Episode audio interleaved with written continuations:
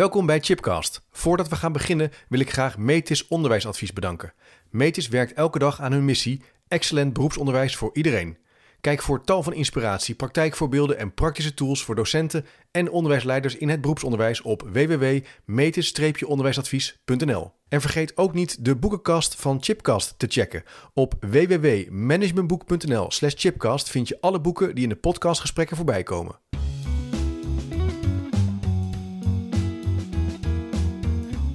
Welkom bij een nieuwe aflevering van Chipcast. Leuk dat je luistert naar deze nieuwe aflevering. Chipcast is een wekelijkse podcast over onderwijs. Alles over didactiek, pedagogiek, leren, samenwerken, innovatie, onderzoek, onderwijskundig leiderschap en soms ook filosofie. Mocht je nou voor het eerst luisteren, hartelijk welkom. Vergeet niet te abonneren via de podcast-app of via YouTube, want je kunt ook kijken en dan mis je niks. Nou, we gaan er induiken vandaag in de studio Natasja Kienstra, bijzonder hoogleraar ethische vorming aan de Tilburg University. Natasja, hartelijk welkom. Dankjewel. Leuk dat je er bent. We gaan in gesprek over de vraag: waarom is ons ethiek onderwijs in crisis en hoe komen we daaruit? Ja. Nou, grote vraag, belangrijke vraag. Ja. Over filosofie in het onderwijs. Ehm, je sprak een zeer boeiende en tot uh, denken aanzettende reden uit op uh, 2 juni van dit jaar. Uh, die reden heb ik ook gelezen. Ik werd erop geattendeerd door Klaas Rosemond, die eerder hier in de podcast was. En toen had je het ook over het zorgdragen voor ethische vorming. En het leek me aardig om daar misschien even te beginnen ethische vormen, daar kunnen we ons denk ik van alles bij voorstellen, maar hoe benader jij zo'n, hoe benader je dat concept? Ja, um, ik denk dat wij uh, een vrij smal beeld uh, hebben van wat ethische vorming is. Ik denk dat we heel snel geneigd zijn om te denken van, uh, oh, dan leer je iets over ethiek.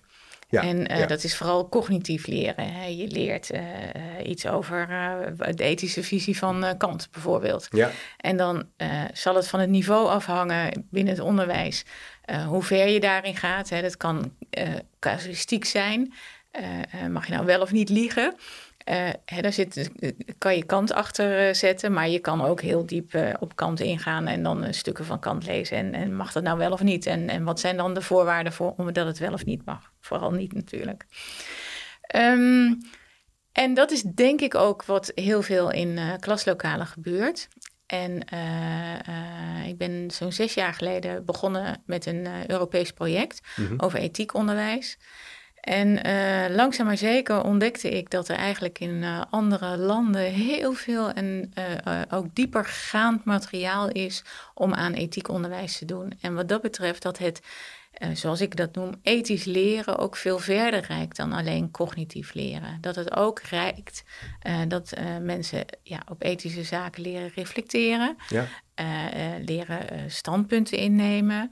Uh, maar zelfs uh, leren ethisch te handelen, zoals ik dat noem. En um, uh, dat laatste tref je eigenlijk in de Nederlandse onderwijspraktijk nog weinig aan. In ieder geval als het geframed wordt binnen het middelbaar onderwijs en binnen bijvoorbeeld vakken als filosofieonderwijs. Burgerschap is niet echt een vak, maar dat hoort nee. dan bijvoorbeeld ook deels misschien wel bij maatschappijleer. Ja. En bij uh, levensbeschouwingslessen. Ja. Het is wel interessant dat je dat zo zegt. Ik, ik herken dat wel, dat filosofie is een vak of een soort een, ja, een kennisgericht. Ja, is ook een vak, een vak. En, een kennisgericht vak ook. Hè? Dus je, deels, je leert. Deels. Ook, en heb je, je hebt ook wel ja. die kennis natuurlijk nodig om te kunnen denken, maar het is eigenlijk misschien wel veel meer dan dat. Nou ja, het eindexamen bij het uh, uh, schoolvak filosofie is in die zin nou, behoorlijk kennisgericht. Ja. Je moet, moet een aantal Zeker. teksten lezen, Ja. uh, je moet daar heel diep over nadenken. Uh, maar als je gewoon kijkt naar de ruimte die verder in het schoolvak filosofie zit, uh, dan gaan, is juist het leren denken in de klas is heel belangrijk. De dialoog aangaan met elkaar in de klas, langzaam aandenken, argumenteren. Uh, dat zijn allemaal zaken die in het klaslokaal heel belangrijk zijn. Ja. Dus die leerlingen ook vormt, filosofieleerlingen ook vormt in die zin. Ja. En waarom is het belangrijk om wat langzamer te leren redeneren en te leren beargumenteren? Waarom zou je dat moeten ontwikkelen op school? Ja, omdat wij kinderen van, van uh, de verlichting zijn. En, en wij misschien wel, zeker in Nederland, als eerste ja maar, ja maar, ja maar zeggen. En meteen kritiek maken. En het is ook belangrijk dat je eerst eens je, uh, je, je, je opponent leert het ermee eens te zijn. Wat zo iemand denkt, leert te zien. In eerste instantie gewoon eens meedenken met zo iemand. Ja, ja. En ehm, als dat de stap is voordat je kritiek kan maken, ja, dan, dan zit je in een soort vertragend iets Ja. eh, te werken. Tenminste, je moet jezelf eh, je eigen denken even vertragen. Want Ja. je moet mee gaan denken met iemand. Ja. En daarna pas Ja, ja, ja. eh, is het tijd voor kritiek. Je oordeel uitstellen. Je oordeel uitstellen. Ja. En je verplaatsen in de ander. Ja. ja, maar ook echt het meedenken. Hè? Dat is ook een soort, eh, eh, nou ja, ik zou bijna zeggen, ook een soort eh, morele gave dat je kan meedenken met je tegenstander. Meedenken met je tegenstander. Dat voelt bijna, dat voelt, het heeft iets onnatuurlijks in Het zekere heeft zin. iets onnatuurlijks, maar het, het leert je ook dat je inderdaad niet alleen van die tegenstander, maar ook je eigen argumentatie Ja. kritisch mag benaderen. Ja, is dat belangrijk? Dat zou misschien. Ik wil vragen, is dat belangrijk in deze tijd? Maar dan vul ik het misschien bijna wel in. Het is denk ik in deze tijd waarin we steeds harder worden naar elkaar. Helemaal via social media. Ja, juist, juist verplaatsen in die ander. Ja, En ehm, het is niet alleen dat je het perspectief inneemt van jezelf naar die ander toe, maar dat je ook eens kijkt van hoe kijkt die ander weer naar mij. ja, En als je dan nog eens terug kan kijken, heen en weer, ja, ja. ja. dat, dat is een mooie beweging. Daar is, nou, nou ja, eh, de, de nieuwe hoogleraar eh, eh, Carl Sterkens in eh, eh, Nijmegen, die heeft daar eh, het nodig over geschreven. Interessant. Meebewegen, over kunnen steken. Je meedenken met iemand met wie je het misschien van nature niet helemaal eens bent. Ja, dat, dat, dat is. eh, eh, eh, ja, dat, dat is ook vanuit de filosofie, zeg maar, wordt dat, eh, is dat een, een beweging die al vanuit de middeleeuwen eh, Ja, gangbaar is. gangbaar is. Ja. En ehm, je stelt ook wel dat we daarvoor moeten zorg dragen als samenleving. Dat we dit meer moeten zien, meer moeten erkennen als, als iets wezenlijks, als iets belangrijks voor het onderwijs. Ja, en dat is eigenlijk bij ja? mij opgekomen na al dat Europese onderzoek. Omdat ik eh, in eerste instantie. Ik, heb zeg maar, ik ben zelf ook docent eh, filosofie geweest op een eh, middelbare school, Ja, meerdere ja. middelbare scholen. En ik dacht altijd van, nou, goed voor elkaar. En wat is het leuk met die, met die pubers. En wat, wat kunnen ze goed denken uiteindelijk. Ehm, maar ik, ik gaf dan het schoolvak eh, filosofie. En als je dan kijkt binnen filosofie, dan is maar een heel klein percentage daarvan, een heel klein onderdeel daarvan is ethiek. Ehm, en eigenlijk zou je kunnen zeggen eh, dat eh, puur in het curriculum, wat is vastgesteld in Nederland, dat alleen de HAVO en de VWO-leerlingen, Ja. als ze geluk hebben en als ze voor het vak gekozen hebben, als ze, als ze echt voor het vak gekozen hebben, dan krijgen ze zo'n, laten we zeggen, acht weken per, per eh, eh, in hun hele leven krijgen ze ethiekonderwijs. Tja. Acht weken van waarin twee lesuren zitten en wat huiswerk en eh, een Ja. toets, zal Oh, ik ja. maar zeggen. En dan, dat zijn de leerlingen die het gekozen hebben. En dat zijn de leerlingen van HAVO en VWO. En hoeveel leerlingen zijn dat op, op onze gehele leerlingenpopulatie? Ja. Dat is natuurlijk ongelooflijk weinig. Dus, ehm, en toevallig mocht ik dat geven, dus ik Ja. vond dat heel erg leuk. Maar als je kijkt wat er in het curriculum in andere landen mogelijk is, dan sta je opeens te kijken van, hé, hey, maar dat is bizar dat wij zo in, in Nederland zo weinig daaraan doen en in het buitenland zoveel meer. En zoveel meer betekent ook dat je inderdaad, eh, naast dat je de ethische theorie van Aristoteles behandelt, dat je inderdaad ook de tijd en, en de mogelijkheden hebt om die kinderen nog verder en nog Hm. meer dingen Hm. te leren. Wel- Welke landen vallen jou dan op? Ja, de landen die mij eh, in het onderzoek heel erg zijn opgevallen, is met name eh, München. Hè, dat is dan een, een, een deelstaat van Duitsland. Maar ook Spanje, andere Hm. Oost-Europa-landen. En toen ik, zeg maar, ik heb het onderzoek twee keer herhaald. En toen ik dan, eh, hè, eerst heb je een kleinere groep landen en vervolgens een grotere groep landen. En toen dacht ik op een gegeven moment, toen ik de grotere groep landen had, dat is typisch. Dat zijn allemaal landen die eh, recentelijk een, een, een totalitair regime hebben gehad. En hebben heel veel ruimte in hun curriculum genomen voor etiekonderwijs. En als je dan ziet, ja, wij hebben een hele lange eh, eh, eh, geschiedenis in de democratie. Ja, Bij ons is het een beetje weg. beetje weg. Dus er moet Ja. af en toe iets heel ergs Ja. gebeuren om het weer te willen Ja, dat verdedigen. weet ik niet, Ja, dat weet ik niet. Nee, maar goed, die, die, die, Ja. die voorzet zou je misschien kunnen doen. Dat dat blijkbaar belangrijk is om het te, om het te verdedigen, ja. Dat wou ik nog eraan Ja. toevoegen. Want ehm, Ehm, als je ziet hoe zeg maar, het nationale curriculum gevuld wordt, hè, daar is uh, Stichting Leerplanontwikkeling, de SLO, is het nationale curriculum, is daarvoor verantwoordelijk. En er zijn elke keer curriculumherzieningen en elke keer komt er weer een, nieuwe, ja. uh, nieuw document en, en vind je weer nieuwe eindtermen enzovoorts. Maar dan vind ik het eigenlijk behoorlijk chockerend dat als je kijkt in de reeks van de laatste, ik denk zes, zeven jaar aan documenten wat is verschenen, dat eigenlijk het woord ethiek, of ethiek, nou niet eens ethische vorming, maar ethiek leren of, of uh, uh, ethisch redeneren, dat het langzaam maar zeker helemaal verdwijnt. Hm. Dus uh, ik denk zes jaar geleden of zo uit mijn hoofd, maar in mijn oratie staat het uh, uh, precies met jaartallen. Maar ik denk zo'n zes jaar geleden vond je nog ethisch redeneren terug. vond je nog terug dat leerlingen solidariteit moesten leren en, en ten aanzien van andere culturen, ten aanzien van, van, van andere mensen enzovoort. Het is allemaal uit verdwenen. Ja. Dus dat, dat vind ik wel zorgwekkend. Weggeorganiseerd, wegge ja. in, de vernieuwingen. Maar we hebben het wel heel veel over inclusief uh, zijn en uh, samen. En, uh, dus de woorden zijn wel heel groot vaak bij, bij scholen, hè? bij wat ze willen. Maar inderdaad, wat, wat, wat we nou uiteindelijk doen in het onderwijs, daar is dat ethisch handelen eigenlijk helemaal niet iets wat je leert.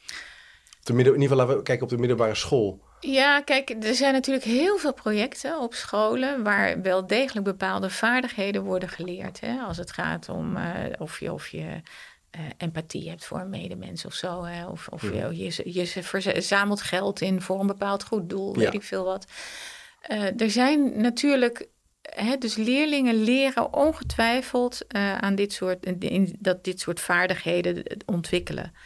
Maar het is los, losstaand en niet meer gekoppeld aan, ja, zeg maar, ethische visies die gewoon al heel lang bestaan en die al bepaalde regels hebben gegeven en die de moeite waard zijn om aan te denken. Ja.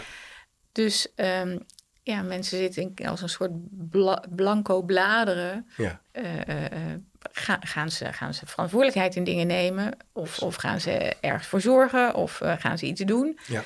Zonder eigenlijk nog te weten waar, waarin, wat voor momenten zitten en hoe ze zijn gevormd door het verleden, welke kennis er vroeger was over ethiek ja, en, welk standpunt zij daarin nemen en welke nu nuance. En als je een set aan uh, bepaalde uh, waarden of deugden kent, nou, dan kan je daar eens toe verhouden. Maar dit gebeurt allemaal op, op, een blanco manier. Op een blanco manier, ja. Wat is de rol van kennis over ethiek daarin? Is het ook belangrijk om ook dingen te weten als het gaat over ethiek, naast het ook kunnen denken en, en handelen en een dialoog kunnen zijn? Ik denk dat het een combinatie van een alles combinatie. is. Het een heeft het ander dus nodig. Het een heeft het ander nodig. Dus net zo min als dat ik zou zeggen van... Uh, ga uh, vooral alleen maar de ethische visies uit je hoofd leren... heb je ook niet zoveel aan. En daarnaast is, is een ja. praxis. Hè? Een praxis is altijd uh, kennis gecombineerd met handelen. Ja.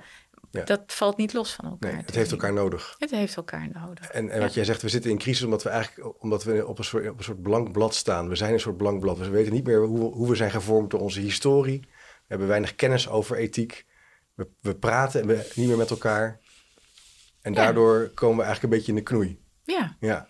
Ja, maar dat zijn wel de mensen waar wie die straks onze, het land gaan leiden en die keuzes moeten gaan maken. Dus die, zou wel denken, hoe is dat te ver, Ja, je hebt al iets over gezegd. Wat is nou de rol van de overheid hierin? Hoe is dat, is dat te verklaren vanuit een soort meer maatschappelijk of landelijk perspectief? Hoe doen wij dat dan als, als land afgelopen 20, 30 jaar? Um, Lekker grote vraag. Maar... Ja, dat is een hele grote vraag. Hè? In die zin ben ik... Uh, alles vragen dus. ben ik niet de deskundige. Maar uh, um, uh, ja, ik denk wel, hè, we hebben uh, natuurlijk een aantal onderwijsveranderingen gehad, onderwijsvernieuwingen. We hebben de tweede fase gehad, gerichtheid op uh, vaardigheden. Um, uh, nou, dan krijg je de eerste 21ste eeuwse vaardigheden. Ja. Waar vinden die dan plaats? Nou, niemand is eigenlijk eigenaar in dat curriculum, want iedereen geeft nog gewoon een vak. En in, in internationale vergelijkingen merk je dan dat reken- en taalonderwijs uh, alsmaar lager wordt. Dus dan, hup, er is een alert. Daar, de, daar moet dan vervolgens ja. weer, ja. is er aandacht op en voor. En ik denk ook, uh, misschien wel ja, in de, in de Eerste en Tweede Kamer... Uh, ja, zitten misschien meer mensen met een geschiedenisopleiding. Meer ja. mensen ik weet het niet hoor, met een taalopleiding, Nederlandse taalopleiding filosofen, weet, weet, ik niet of die daar nou zo... Ver, zijn die nog vertegenwoordigd in het onderwijs? Ik denk niet zo heel sterk als ook in, het onderwijs, in de onderwijsdebat. En wat mij wel opvalt is de afgelopen 20, 30 jaar een hele sterke nadruk op is op vernieuwing. Op het opnieuw creëren van het onderwijs. Het afscheid nemen van oude dingen. Ja. Dus dat blanco blad vonden we eigenlijk, hè, dus ook het sociaal constructivisme van kennis. Het idee van, nou dat doen we, we, gaan samen betekenis geven. En er is niet zoiets als een, als een historie van kennis, want je kan het gewoon vanuit jezelf vormgeven. En in communicatie en dialoog, dan lukt het ook wel. Ja, ja en, maar dan, maar wat is dat dan eigenlijk? Dan raak je ook een beetje verloren. Maar dat zijn mijn woorden hoor. Maar, ja. Ja, en ik denk ook uh, als je gewoon naar schoolvakken gaat kijken, hè, de, de grote vakken, uh, Nederlands, wiskunde, geschiedenis, dat soort vakken, hebben grote docentenverenigingen, hebben grote stem in Nederland. Als er dan vernieuwingen zijn, dan worden dat soort mensen ook automatisch aan tafel gezet natuurlijk. Maar een vak als filosofie, het is een middelgroot vak maar heeft een, ja, ook dient ten gevolge een kleinere uh, vakvereniging. Ja. En uh, filosofiedocenten zijn ook vaak eenpitters. Ja, dat ken ik uh, ook. En ja. ja. dat betekent dat je alles moet doen op een school en vaak nog een tweede school erbij hebt, wil je een fulltime baan hebben. Ja. Ja. dan kunnen die mensen ook niet nog eens in allerlei verenigingen gaan zitten. Hoewel echt filosofiedocenten ontzettend betrokken zijn. En ik juist heel vaak op, op bijeenkomsten filosofiedocenten tegenkom. Ja.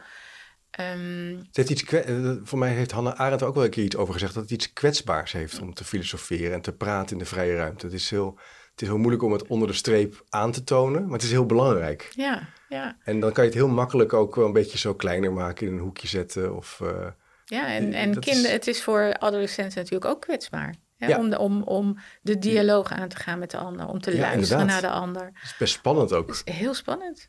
Heb je dat ook zo gezien in je eigen praktijk als, als docent? Dat dat leren, leren praten met elkaar, leren meedenken in, de in, die, in hoe iemand anders is, dat dat ja. spannend is? Ja, het is spannend. Het is heel moeilijk. Is moe ja? En uh, het, het vergt heel veel oefening.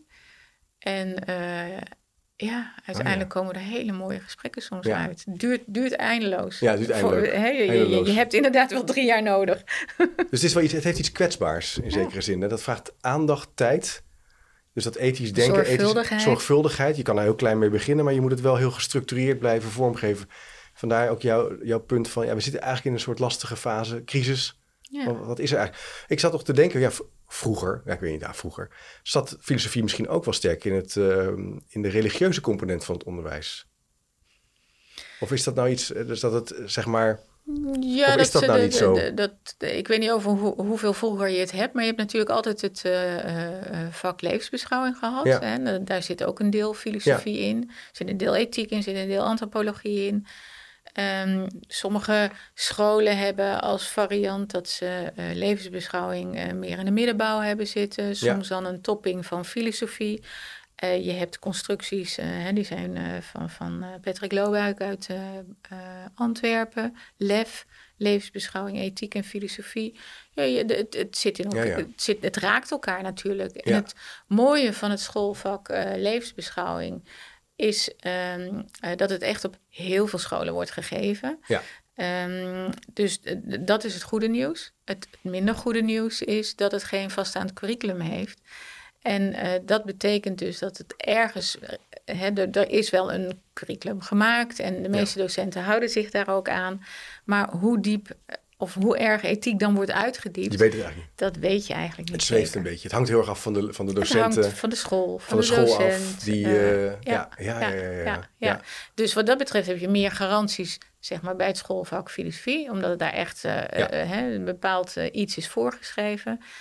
Um, maar zoals gezegd, ja, een paar havisten en, en VWO'ers, die mogen eraan ruiken. Ja, maar als je dus VMBO doet, dan niet. Dan gewoon niet. Nee, en wat dat betreft is uh, even Anne Coultre, die heeft uh, onlangs uh, haar proefschrift verdedigd. Mm -hmm.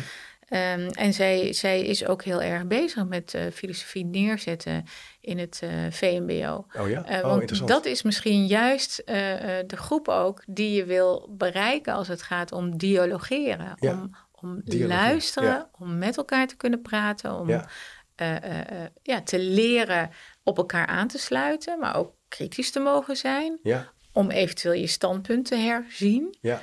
Het heeft ook iets heel, wat ik, ik kom ook zelf al veel in het mbo-beroepsonderwijs. Daar zie ik ook wel eh, hele goede docenten hele mooie gesprekken met studenten voeren over milieuvraagstukken, duurzaamheidsvraagstukken. Uh, en dan, heeft, dan is er altijd zoiets in van ja, maar dat theoretische dat past dan niet bij deze studenten. Die zijn heel erg hands-on. En dat idee, klassieke, flauwe, te die tegenstelling wordt er vaak gemaakt. Maar terwijl ik denk dat je heel ver kan komen met het categorisch imperatief van Kant bij een, uh, bij een groep studenten die uh, nou, duurzaam een restaurant willen runnen. Ja. je moet het wel even vertalen, ja. toepasbaar maken. Maar dat zou je bij mij ook moeten doen, want ik vind het ook ingewikkeld, die kant, dat dikke boek en zo. Dus, maar dat doen we eigenlijk weinig. Ja, het wordt dan snel bij burgerschap nou ja, dat soort dingen doen natuurlijk, filosofiedocenten uh, voortdurend. Ja. Uh, en wat dat betreft denk ik ook dat er ja, mooie lesmaterialen, mooie voorbeelden zijn. ja. ja. Leuk. En, en ja, ik zat ook op dat punt over religie of de religieuze component. Ik dacht van ja, de verbinding met waarden. Want religie heeft natuurlijk ook waarden achter zich staan. hoe zie jij de verbinding met waarden en ethiek en filosoferen in het onderwijs? Ja, natuurlijk heeft dat een verbinding hè, met elkaar. Ja.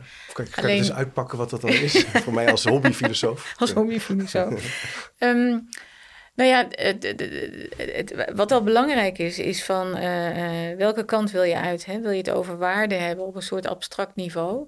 Of wil je het misschien wel veel meer hebben over, uh, zeg maar, deugden, hè? De, de, karaktervorming? Wil je het hmm. daarover hebben? Hmm. Wil je het abstract over vrijheid hebben?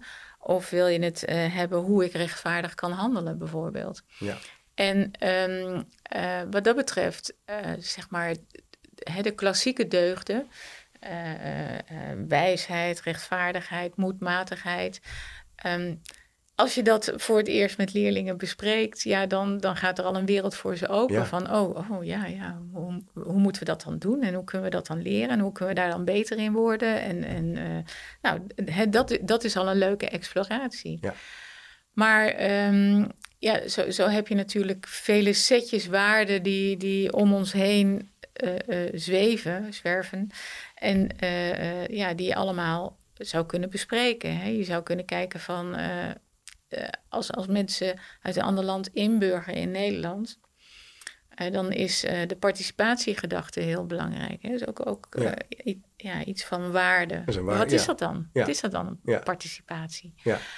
Of um, als je kijkt naar internationaal waardeonderzoek, dan zie je bijvoorbeeld dat in de rijkere en meestal westerse landen uh, dat daar heel erg uh, rationaliteit, um, individualisme, ja. zelfexpressie, zelf, dat dat heel erg belangrijk is. terwijl dat in, in andere landen, andere culturen niet is. Nou, dat is natuurlijk ook al een inzicht wat je aan adolescenten mee kan ja. geven. Ja. Uh, omdat die ja, niet denken van dit is, dit is universeel. dat denk je vaak wel. Van, uh, nog steeds denken, oh ja, wacht even. Dat zie je ook in intermenselijke contact. Van, ik denk nu dat dit waar is. Ja. Blijkt dat die collega een heel ander beeld heeft bij het woord curriculum... of bij het woord rechtvaardig of het woord cijfer. Of, ja. Ja. en, dat, en dat moet je dus, dat kan je op die manier kan je dat ook eigenlijk al spiegelen en verder krijgen, verder brengen. Ja. Ja, ja. interessant. Ja, mooi. Um, en door welke filosofen ben jij nou geïnspireerd uh, ja, in jouw werk en, en, en, en in het schrijven bijvoorbeeld van die reden, heb je dan een soort boekenplankje met. Je zei al, wij zijn van de verlichting. Nou, dan zegt al iets, denk ik, over welk tijdsbeeld je misschien zit. Of, of is dat een hele moeilijke vraag? Je zegt van ja, ik kan nooit. Uh, is er een top 5 te maken van. Uh... Top 5. nou, dan beginnen we natuurlijk bij Aristoteles. Ja, dat moet wel, want anders kom je niet eh, uit bij dat, hè, de, de, de, de, theorie en de, en de praktijk, dat dat met elkaar verweven is. Ja. Um, en uh, uh, dat inzicht overigens van, uh, er zijn meerdere, meerdere filosofen aan verbonden. maar eentje die ik daar wel heel erg leuk vond bij aansluiten is Daniel Strauss. Over showing the solidarity. Hè? Dat je op die manier met de ander een tijd mee moet denken. Ja, ja dat is een mooi begrip, um, ja. Ja, Ik, vond, ik vond dat eh, ook dat als begrip heel leuk. Showing solidarity. Mooi begrip. En ja, ik vind, vind de gedachten van Noesbaum vind ik ook heel erg waardevol natuurlijk. Ehm, ja, dat, dat, dat we echt het voor de, voor de gemeenschap ook doen. Hè? we, doen we, zijn mensen met, met menselijke relaties. Ja. En ehm, die willen we in stand houden. En daar willen we voor zorgen. Ja. Uh, dus dat, dat, dat, dat is ook een koppeling met Aristoteles, het grotere, ja, goed, dus, het grotere geheel. Het is, het is, het is, aan elkaar verbonden, zeg ja, Het is een lijn natuurlijk. Het is gewoon lijnen, ja. Ja, oh, ja. ja. En ik vind ook een, uh, natuurlijk een hele belangrijke denker, Charles Taylor, die nou, ook gewezen heeft op dat we um, zeg maar een, een, afstemming moeten hebben in een morele horizon met elkaar. Ja. En dat we daar ook alleen maar kunnen komen door dat, dat pure individualisme uh, uh, daar voorbij te stappen. Um, en dat is echt, dat is altijd ook moeilijk uit te leggen aan jonge mensen. Ja. Want uh, ja, ze, ze, ze, dat ik poneren is zo belangrijk. Ja, ook in, in die levensfase. In die levensfase. Waarin dat ik ook zo lekker naar voren kom met allerlei gevoelens. En, ja. Ja, dat is ook belangrijk natuurlijk. ja, dat, dat, is het mooie. moet je ook poneren. Ja, dus jij als filosoof en als docent moet ook je kunnen verplaatsen in dat ik, ja, denk ik. En tegelijkertijd iets oprekken dat je eigenlijk alleen maar ik bent in een groter geheel. Ja, en, en, en die, uh, je had over die horizon, dat er een soort bepaalde mate van horizon is. Ja, en dat er een afstemming is hè, tussen die ikken. En uh, dat je als docent in die zin uh, aan de zijlijn staat. En um, ja, dat je Um, ja, hoe zeg je dat nou precies? Ja, dat, dat, dat, dat je als, als het ware daarin de verantwoordelijkheid geeft. Hè? Ja. Dat, je, dat je ziet dat ze zichzelf poneren. Ja. Uh, dat het een kwetsbaar ik is. Hè, stel je, stel je zo'n puber voor. Ja, die, die, die, die zeggen toch harde dingen vaak. Maar daarmee eigenlijk... Het is heel spannend. Het is spannend en ze ze zetten het van zich af. Maar eh, eh, jij moet dat ik ook vertrouwen geven. Ja. En daar zit natuurlijk ook uh, de link met het onderwijs. Hè. Dan kan je ze misschien ook laten groeien, laten leren. Mooi. Er zit ook iets in van een soort vertrouwen, is een heel mooi begrip, maar ook compassie. Een soort, Dat het ook er mag zijn en dat je, dus, dat, dat je daarmee ook samen kan blijven. Ja. Dus dat je daarmee een groter geheel maakt. Ja, ja. en ook, de, ook de kracht, hè? ook de kracht van dat iemand een ik is. Ja. Uh, Zit er ook in. Ja, maar dat is helemaal in deze tijd van dat hyperindividualisme. Ja. Waarin natuurlijk toch gaat uh, ja, op die telefoon constant uh, bevestiging van allerlei hele mooie, knappe mensen die het fantastisch hebben. Ja. Dat zie ik toch ook wel door in het middelbaar onderwijs, ook in het beroepsonderwijs. Ja, ik wil dat ook, hè? Ja. Succesvol zijn, mooi zijn, knap zijn, gelukkig zijn. Ja. Dus ik moet sterk zijn, ik moet dat ook doen. Terwijl je eigenlijk ook iets relationeels met elkaar te doen hebt. En dat gaat dus ethisch denken, ethisch handelen gaat ook over dat soort type soort mini-gesprekjes met elkaar kunnen voeren. Ja. En dat doen we misschien te weinig. Ja, dat doen we zeker te weinig. Ja. Zeker te weinig in het klaslokaal. Ja. En ik kan niet oordelen, hè, daar gaat mijn onderzoek ook verder niet over, wat daar buiten gebeurt. Want eh, ik, ik, denk ook dat we in die zin niet te pessimistisch moeten zijn. Want dat wel degelijk, ja. Uh, als ik aan de keukentafel zit en ik, ik luister, vind ik een beetje bij, bij zo'n pubergesprek ja, daar worden ook wel mooie dingen gezegd en goede dingen gezegd. Alleen het is vaak ook kortstondig. dan is het weer weg. Ehm, en dan is het wel mooi als je hè, in, in de structuur of in de vorm van zo'n, van zo'n klaslokaal, dan moet je toch weer verder, verder, verder, verder. Ja, je bent ook een soort gemeenschap op die school. Je wil ook met elkaar kunnen, een dialoog kunnen voeren, met elkaar kunnen praten.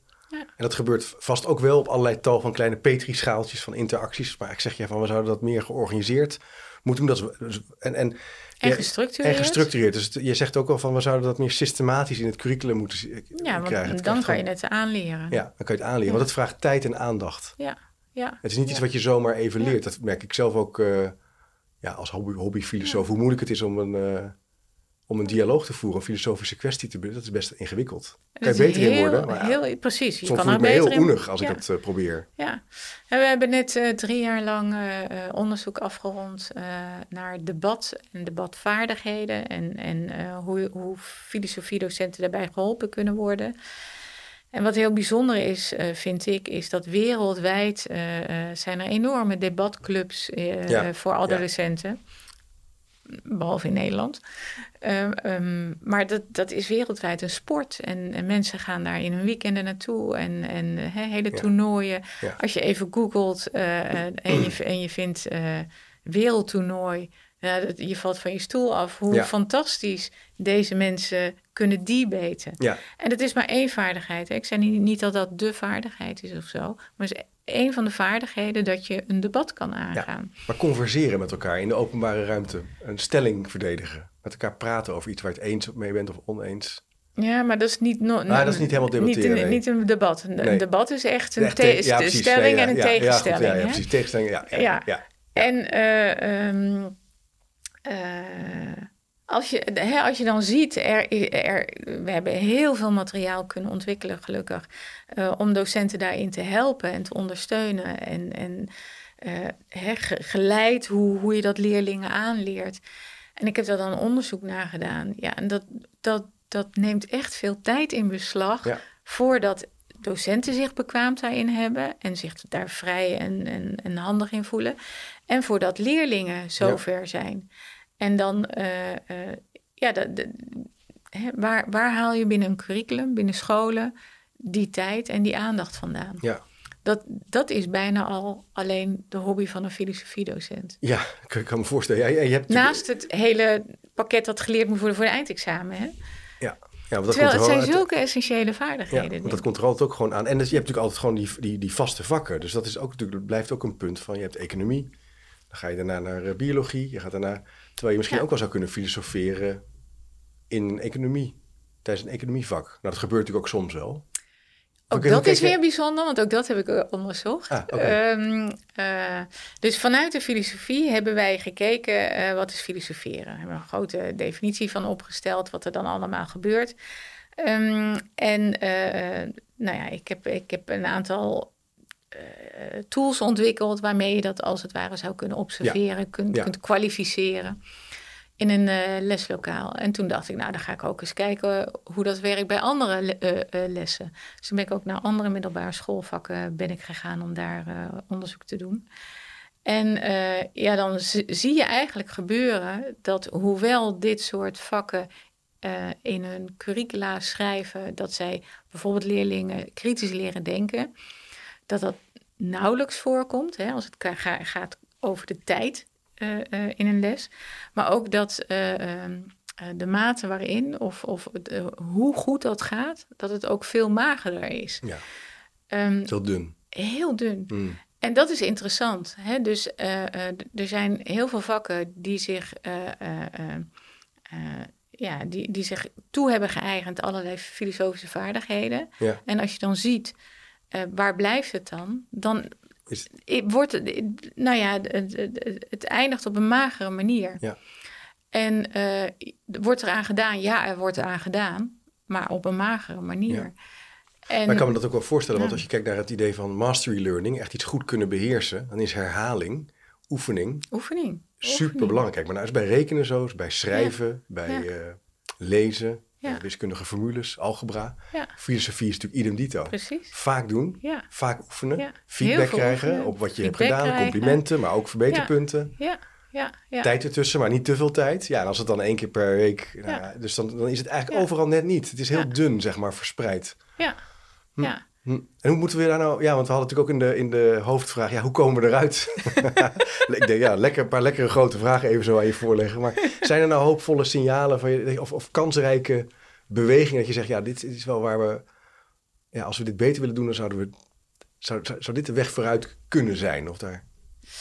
Nou, ligt de ruimte. Ja, ik, ik, kan een paar leuke voorbeelden geven die er zijn. Maar dat zijn natuurlijk maar enkele voorbeelden. Want eigenlijk over het algemeen ben ik behoorlijk somber. Je bent toch wel somber, ja. Uh, want uh, uh, er is gewoon binnen het curriculum in Nederland te weinig aandacht. En als wij met zeg maar de Vereniging voor Filosofie-docenten, de VVO, als wij aandacht proberen te vragen voor filosofie in het onderwijs, dan kunnen wij her en der aan tafel schuiven. Hm. Ehm, maar ook een aantal keer niet. Ja. En dan staan we buiten het curriculum. En uh, um, uh, dat, nee, dus ik ben, in die zin ben ik somber. Ja. Uh, je hoort ook niet een roep in de kamer van uh, het moet gebeuren. Nee, nee, nee, maar het is wel even um, de stand van zaken. Dat je zegt van het is niet, ja. uh, er is echt wel wat aan de hand. Er is echt iets aan de hand. Ja, iets fundamenteels. Ja, ja. ja, ja. ja. Het is uit ons blikveld verdwenen en mensen denken, nou ja, dat als, als zij er ook iets aan doen, dat het dan is gedaan. Ja, afgevinkt. Ja, afgevinkt en uh, klaar. Veel, dat vind ik wel echt interessant in dit gesprek. Leer ik echt wel dat het veel meer is dan een keer kanten bespreken of een keer oefenen. Dus eigenlijk het vraagt iets, eigenlijk net zoals bij rekenen, zit ik te denken. Want daar ja. heb ik al meerdere podcasts over gemaakt. Of daar, daar weet, weet, ik al wat meer over of lezen. Herhaling, gestructureerd opbouwen, scaffoldingen. Ja. ja. Rijkheid, veel kennis, veel doen. Ja. En dat doen we eigenlijk met filosofie dus helemaal niet. Terwijl het zoiets wezenlijk is als we het hebben over de klimaatvraagstukken, duurzaamheid, samenlevingsvraagstukken. Zou je eigenlijk denken, moeten juist met elkaar in gesprek. Juist, juist. Ja. En je moet juist op een goede manier met elkaar in gesprek. Ja. En niet elkaar de hersens inslaan of uh, alleen maar je eigen mening poneren. Ja. Maar misschien laat ik het dan anders zeggen. Wat zijn er twee of drie schoolpraktijken waar we wat van kunnen leren in Nederland? Waarvan je zegt, nou, dat is dan wel interessant. Wat een uh, uh, heel leuk initiatief lijkt, is dat de Universiteit van Tilburg nu aan het onderzoeken is. ook omdat studenten daar dat leuk vinden. Om, ja, in het, in het Engels heet dat dan ethics bowls. om, om debatwedstrijden, maar dan typisch rondom ethische dilemma's, om ja. die op te gaan zetten. en ehm, in eerste instantie zou je kunnen denken dat we dat wat meer regionaal doen. er zijn ook vele regionale samenwerkingsverbanden. Ja. Uh, rondom zaken die in die regio aan de hand zijn. Ik, ik, denk bijvoorbeeld aan brede welvaart. Hè. Tilburg is een stad waar qua welvaart nogal wat aan de hand ja, is. Ja, ja. Um, nou, die casuïstiek die wordt op de universiteit onderzocht. Dus hey, je hebt dilemma's als het ware voor het oprapen ja, die liggen. liggen er gewoon. Uh, dus de casussen zijn er. En laat dan vervolgens in, uh, reserveer daar een dag voor. Laat uh, studenten daar in groepjes van vier op ethisch verantwoorde wijze aan uitkomen. Ja. Um, nou, daar zijn we over uh, aan, aan het kijken of dat zou een soort jaarlijks event zou kunnen zijn. En dat is natuurlijk heel leuk als het regionaal begint en het zou een ja. iets wat internationale ja. uitspreiding ja. uh, hebben. Ja. Um, hè, dat, dat, dat is bijvoorbeeld één ding.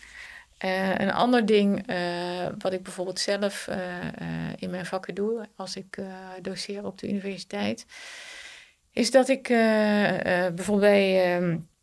Uh, vak als het gaat om ethische vraagstukken. Hè, van we kunnen over een, een ethisch uh, vraagstuk kunnen we, kunnen nadenken, kunnen we reflecteren, kunnen we een tekst lezen. Uh, en natuurlijk zijn er een aantal filosofen en die hebben hele mooie teksten over bepaalde deugden geschreven. En, en, en die onderscheiden daar fases in of modellen. Of, maar ga nou maar zelf oefenen in de praktijk. Ja. Dus als uh, tentamen moeten dan uh, vervolgens de studenten moeten ook een oefening gaan bedenken dat zij dat bijvoorbeeld tolerantie, dat zij uh, tolerantie volgens recur gebeurt op een bepaalde manier. Nou, hoe, hoe ga dat maar eens oefenen? Ja, dus ook het, iets meer uit het, ook het cognitieve, maar toch iets meer uit het schrijven of verantwoorden halen naar, naar de handeling. Ja, en dan vervolgens, hè, en dan, dan vind ik pas de cirkel af dat zij reflecteren niet alleen op hun eigen, laten we zeggen, morele vorming, hè, het proces dat ze door zijn gegaan. Wat, wat aardig is dan om na de hand terug te horen van studenten is van... Goh ja, dat was toch wel uh, een tentamen dat me een tijdje heeft bezig gehouden, ja, zal ik maar zeggen. Nog, ja, ja, ja. Nou, denk ik missie geslaagd. Uh, aan de andere kant dat zij in staat zijn om ze aan zo'n auteur, hè, ja. bijvoorbeeld een recur iets terug te geven. Van ja, ja misschien ben je daar toch wel wat on, ongenuanceerd in je tekst. Of daar uh, er zou nog een extra fase of stap of weet ik veel wat bij ja, kunnen. Ze reflecteren op de theorie en op de, op de theorie. En je kan alleen maar op die theorie reflecteren in die zin als je hem zelf gevoeld hebt. Als je hem zelf hebt meegemaakt. Als je zelf de weerbarstigheid daarvan hebt ondervonden. Ja.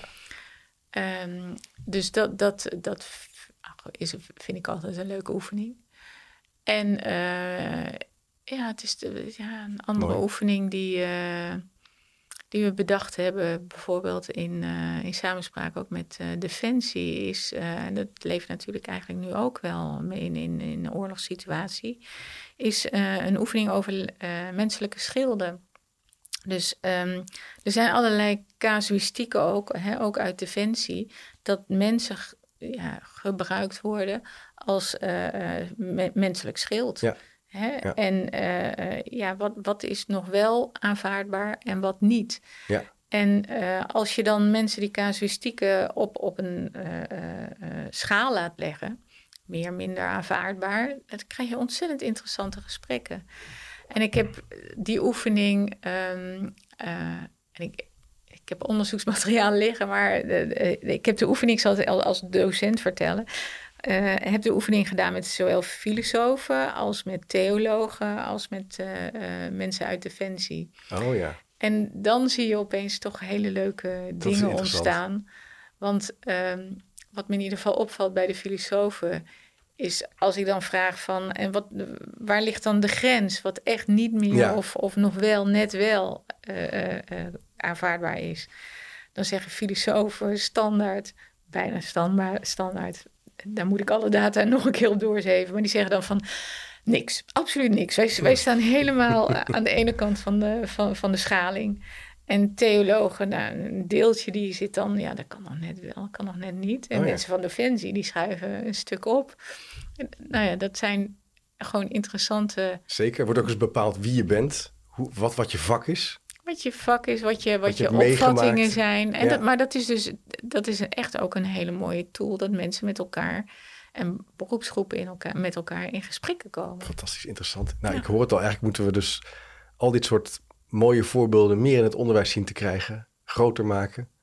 Niet dunner maken, maar diepgaander maken. En zodat we toch misschien een beetje de toch ook wat zorgelijke constatering dat het er niet zo goed voor staat uh, langzaam kunnen breken. Want uh, dat blijft me wel bij dat het wel echt oefening vraagt, uh, reflectie, tijd en aandacht. En dat, dat is er nog niet voldoende in, het, in, in de curricula van Nederland. Ja. ja. Ja. Nou, het wordt vervolgd. Misschien kan je ons op de hoogte houden van nieuwe activiteiten. Ik vond die werkvormen al wel heel aardig op het eind die je even zo vertelde. Deed me ook een beetje denken aan, aan twee dingen. Aan de Socratische dialoog. Nou, die zou je natuurlijk ook wel kennen. Maar ook bijvoorbeeld eerder Bas Haring, de filosoof... Ehm, van mij Leiden of aan de VU, die ook zo'n tv-programma had met allerlei hele toepasbare filosofieopdrachten en zo. Ja. En daar heb ik ook zelf wel mee uh, te maken gehad op de middelbare school. Vond ik wel heel erg leuk. Ja, ja. Maar goed, um, we zijn lang niet uitgepraat. Maar Natasja, dankjewel voor je tijd. Um, heel interessant om met jou eh, te spreken. Ja, ik denk over het begin van je onderzoeksreis. Want uh, er gaat nog heel veel volgen, denk ik, hè? Waar je mee bezig bent als het gaat over uh, ja, ethisch denken, ethisch handelen. Wat dat betreft uh, blijf ik je werk graag bestuderen. Ik vond het een heel lezenswaardige reden ook. Zie ik ook echt voor, ja, ik noem mezelf wel eens hobbyfilosoof. Maar als je een beetje interesse hebt in filosofie, echt heel goed volgbaar en interessant is om te lezen. Ik zal ook even een linkje plaatsen naar een aantal artikelen uh, van jou en wat dingen die ook voorbij kwamen in de podcast. Jouw uh, top 4, top 5 filosofen misschien nog even plaatsen. Dat als je nu luistert en je wil meer weten, dan kan dat via chipcast.nl. Ik vind het zeker ook uh, leuk als je de moeite wil nemen om een review te schrijven over dit gesprek. Hoe eerlijker, hoe beter, want dat helpt weer voor de zichtbaarheid van het kanaal. je dankjewel voor je tijd. Heel graag gedaan. Dankjewel voor de uitnodiging. Nou, zeker. Was me een genoegen. En beste luisteraar, tot de volgende keer.